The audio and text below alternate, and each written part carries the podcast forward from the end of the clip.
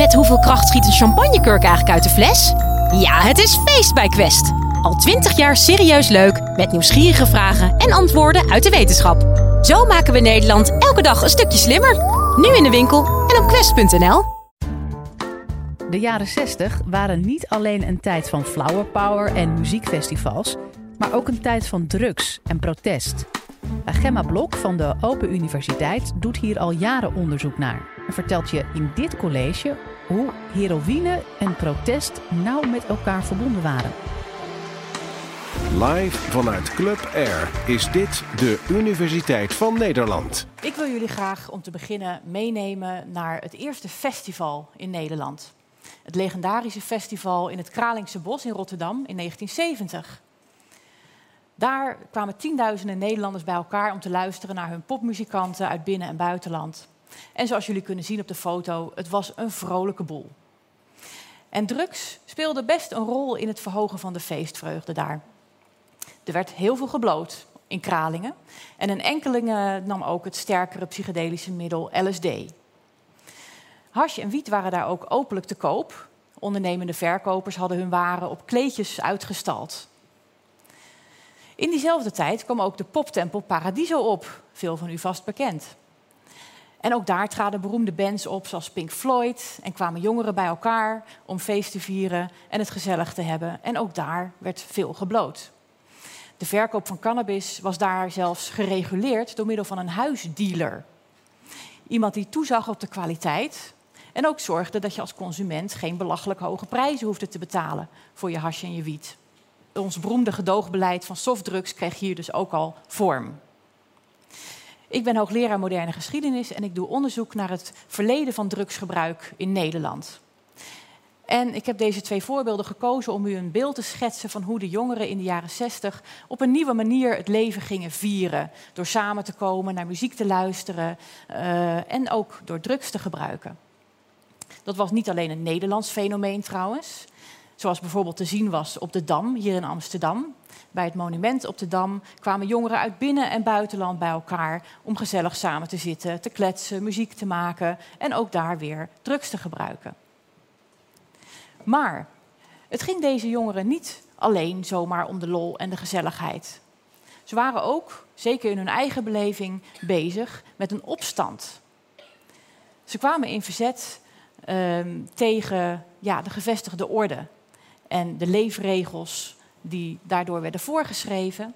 En in die opstand, en dat wil ik in dit college proberen te laten zien, speelde het gebruik van drugs een belangrijke rol. Door historici is over deze generatie van de jaren 60 veel geschreven. En dan worden termen gebruikt als de protestgeneratie of de tegencultuur van de jaren 60. En ja, dan moet u niet alleen maar denken aan demonstraties of spandoeken.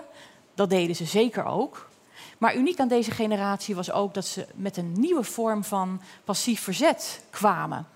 Namelijk niet meer mee willen doen, uit de maatschappelijke structuren stappen. Je verzetten tegen het burgerlijke leven wat je ouders je voorspiegelden. Deze jongeren wilden het heel anders gaan doen. Niet trouwen en kinderen krijgen als vast stramien, maar seksuele vrijheid. Niet meer naar de kerk, niet meer een leven wat in dienst stond van presteren, het goed doen op school, werken, geld verdienen en dat dan vervolgens braaf uitgeven in de winkels. Nee, ze wilden het anders. Ze wilden een leven wat meer in dienst stond van gelukkig zijn, jezelf ontplooien en het doen zoals je het zelf wilde. Autonomie. Dat is waar die lange haren symbool voor stonden, die iedereen toen liet groeien. En eigenlijk is dat heel opmerkelijk, want het is juist deze generatie die het eigenlijk na de sobere jaren van de wederopbouw voor het eerst weer vrij goed kreeg. De welvaart nam toe in de jaren 60. Iedereen kreeg een auto, een televisie. Mensen konden op vakantie, op reis. Um, en mensen konden ook gaan studeren op veel grotere schaal dan voorheen. En juist deze generatie gooide zijn kont tegen de krip. Want ze wilden niet alleen dat, ze wilden ook die vrijheid en die autonomie. En vooral universiteiten werden broeinesten van protest. Studenten keerden zich bijvoorbeeld tegen de oorlog in Vietnam, waar Amerika destijds in verwikkeld was. Of tegen de Koude Oorlog, die toen ook nog een grote rol speelde tussen Amerika en Rusland. Met internationale spanningen tot gevolg, een wapenwetloop, atoomgevaar. De studenten die wilden een andere vorm van politiek voorstellen, met meer nadruk op het streven naar vrede. Weg met die atoombommen. Ze wilden ook meer inspraak van jongeren in de politiek, in het onderwijs. Ze wilden meer af van alle hiërarchieën en autoriteit. En om dat te laten zien, gingen ze bijvoorbeeld inderdaad demonstreren, gebouwen bezetten, hun dienst weigeren, sit-ins organiseren, noem maar op. Dat was één stroming in de jaren zestig. Maar niet iedereen in die tijd, niet alle rebelse jongeren waren zo politiek georiënteerd. Je had, zou je kunnen zeggen, een tweede stroming in die protestgeneratie. Van jongeren die zeiden: verbeter de wereld, begin eerst dus bij jezelf. Die ging het meer om levensstijl en het zoeken naar een andere vorm van bestaan. Ze liepen bijvoorbeeld weg van huis, gingen wonen in een commune, een leefgemeenschap waarin iedereen gelijk was en die zelfvoorzienend was. Of ze gingen op de hippie trail, ze gingen op reis richting India op zoek naar nieuwe vormen van spiritualiteit. En met name binnen deze tweede stroming van de jaren 60 speelde het gebruik van drugs een belangrijke, cruciale rol. Vooral het gebruik van cannabis en LSD was in die tijd heel populair. Dat waren natuurlijk allereerst middelen waar je je heel goed mee kon onderscheiden van je ouders. Want wat was de favoriete druk van je ouders? Dat was drank. Die zaten braaf zaterdagavond tros te kijken op de tv met hun biertje bij de hand of vermoeder een sherry. Heel suf, heel burgerlijk. Als je het anders wilde doen, dan hoorden daar natuurlijk ook andere genotmiddelen bij. Middelen die nog wat minder bekend waren, waar je ouders van griezelden. Middelen ook die verboden waren, zoals bijvoorbeeld cannabis en LSD. Beter kon je het niet wensen. Maar het was niet alleen een manier om je af te zetten en je te onderscheiden. Deze nieuwe drugs zouden volgens de jeugd ook leiden tot nieuwe inzichten. Ze waren bewustzijnsverruimend. Ze maakten je eigenlijk in staat om zelfstandig te denken, voor jezelf te denken. En los te komen van de indoctrinatie die je eigenlijk vanaf je vroege jeugd had meegekregen door ouders, door je school, door je leraren, door de kerk. Gebruikte je die drugs, dan kon je daar opeens afstand van nemen en alle maatschappelijke spelletjes doorzien waar je voorheen zelf ook onderdeel van was geweest. En kon je er kritischer naar gaan kijken. Luister maar even hoe LSD-goeroe Timothy Leary het in de jaren 60 uitlegde. We tell young people today, drop out of school because schools, education today is the worst narcotic drug of all. Don't politic. Don't vote. These are old men's games. Impotent and senile old men that want to put you onto their uh, old chess games of war and power. Drop out. Uh, tune in with natural things. Take off your shoes. Uh, get back in tune with God's harmony. Surround yourself with beauty and sacred objects. You can't get caught in the conforming, rote, lockstep, which we call American society.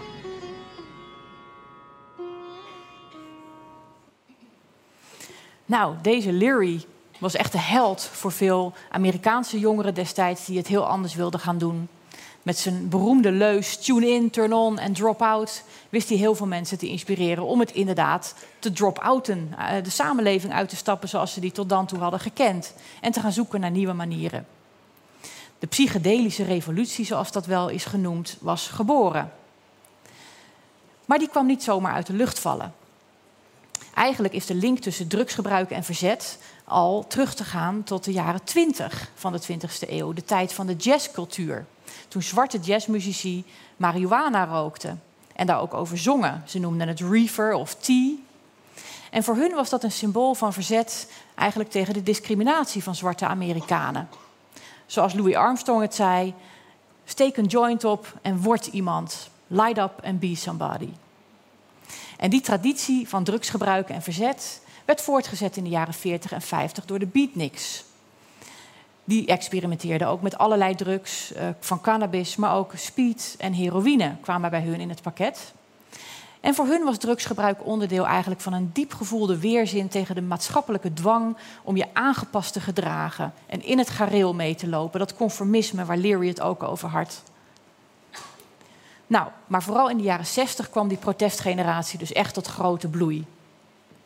En dat waaide ook over naar Europa en naar Nederland. En niet in de laatste plaats ging dat via muziek. De Jefferson Airplane zong over LSD. De Velvet Underground zong over het gebruik van heroïne. En hun zanger Lou Reed die deed zelfs op het podium voor hoe je een spuit heroïne moest zetten. Het lijkt echt, was niet echt, maar voelde wel heel echt voor het publiek. Eigenlijk zou je kunnen zeggen dat het gebruik van drugs onderdeel was van een identiteitspolitiek van deze protestgeneratie. Door middel van het gebruik van drugs wilden ze zich onderscheiden, hun eigenheid als sociale groep laten zien. dat kon via uiterlijk, die haren, die bloemen, dat kon via alternatieve vormen van politiek, nieuwe jongerenpartijen. Dat kon via alternatieve leefvormen zoals die communes en de hippie trail. Maar dat ging ook voor een heel belangrijk deel via de lijnen van drugsgebruik. En drugsgebruik kreeg status in die tijd. Vooral het spuiten van opium en heroïne. Want daarmee, zoals bijvoorbeeld de schrijver René Stoute het eind jaren 70 beschreef, daarmee ging je de ultieme grens over en stapte je echt uit de maatschappij. Hij zei: Ik heb echt moeite gedaan om aan opium te komen. En dat was nog niet zo makkelijk. Ik moest er echt moeite voor doen, want je werd niet zomaar toegelaten in de eredivisie van drugsgebruikers. He, wat moet je je dan voorstellen bij zo'n eredivisie van drugsgebruikers? Nou, dat waren dan bijvoorbeeld mensen die op reis waren geweest en heel ervaren, of muzikant waren of kunstenaar en drugs gebruikten. En dat waren eigenlijk de idolen van de subcultuur van die tijd. Nou, en dat daarbij willen horen, dat heeft bijvoorbeeld de Britse sociologe Sarah Thornton, vind ik heel mooi beschreven aan de hand van het concept subcultureel kapitaal. En dat behoeft misschien enige uitleg. In de sociologie wordt vaak gesproken over dat je maatschappelijke status als individu samenhangt met verschillende vormen van kapitaal waar je over kunt beschikken. Dan heb je natuurlijk gewoon je economische kapitaal, je bezit, je huis, je auto, je geld. Je sociale kapitaal, je netwerk of het netwerk van je ouders waar je gebruik van kunt maken. Of het culturele kapitaal wat je hebt. En dan gaat het bijvoorbeeld om, weet je wel wie Bach en Rembrandt zijn? Kan je wel meepraten met de culturele elite. Anders schiet het ook niet op met je maatschappelijke stijging. Maar volgens Thornton kwam er in de jaren 60, 70 binnen die jongere subculturen een nieuwe vorm van maatschappelijk kapitaal bij: subcultureel kapitaal. Namelijk dat je in de know was, dat je wist hoe het hoorde in een bepaalde subcultuur. Dat je wist hoe je je daar moest gedragen, welke kleren je daar moest dragen, over welke muziek je daarmee moest kunnen praten en welke drugs je moest hebben gebruikt. Hoe, hoezeer belangrijk dat was om in de nood te zijn en welke rol drugs daarbij speelden om bij die subculturele elite te gaan horen, heeft bijvoorbeeld een van de eerste harddrugsgebruikers uit Nederland, vind ik heel mooi verwoord, Steve Davidson. Die zei ja, toen ik, en dan gaat het over de jaren 60, toen ik de inner circle, dat magische goedje opium zag gebruiken, toen dacht ik, oh, als ik dat magische goedje ga gebruiken, dan hoor ik ook bij die inner circle. En ik denk in het bestuderen van drugsgebruik als fenomeen is het heel belangrijk om te kijken naar dit soort processen van identiteitsvorming. Want dat verklaart denk ik voor een heel belangrijk deel waarom drugsgebruik zo populair en zo groot is geworden in de 20e eeuw. Mensen gebruiken drugs niet alleen maar om zich beter te voelen of puur voor de lol, maar ook vanuit een drang tot zelfontplooiing, zou je kunnen zeggen. Ergens bij willen horen, een nieuwe manier van leven willen ervaren, een nieuwe manier van voelen en zijn willen ervaren.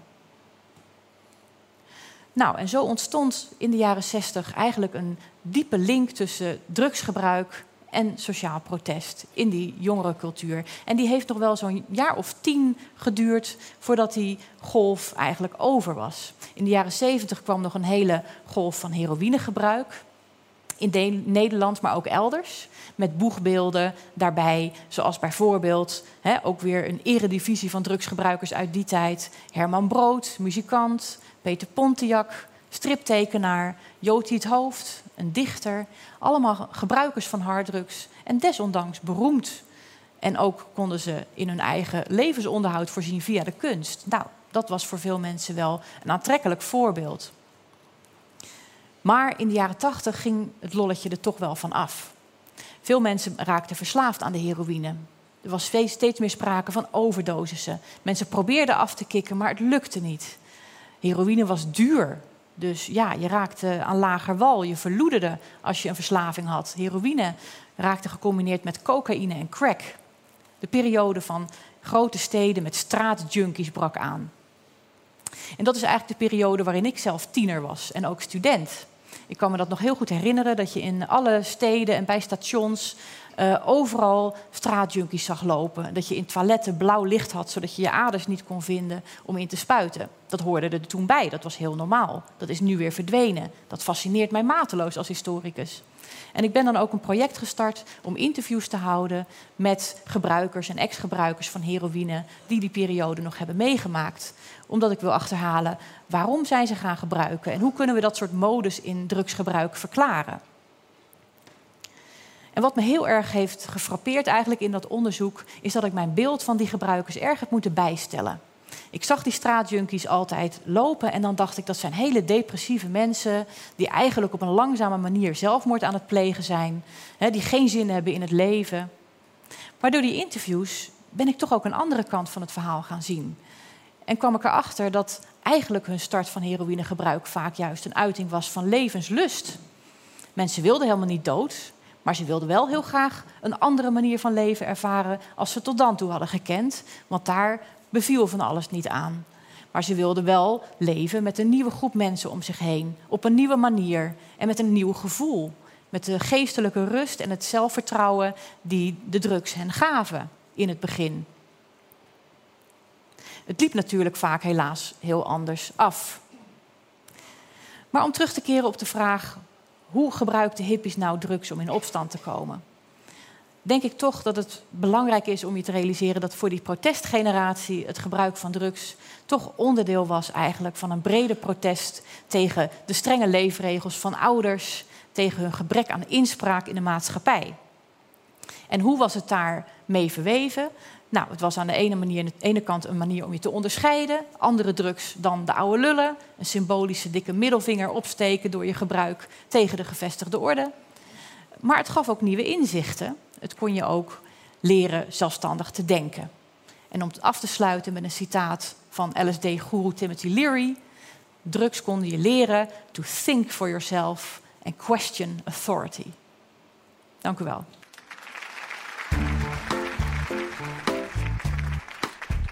Dit was de Universiteit van Nederland. Wil je nou nog meer horen, bijvoorbeeld over de vraag waarom zoveel millennials kampen met een burn-out? Of hoe je een oogbal kunt bioprinten? Check de hele playlist.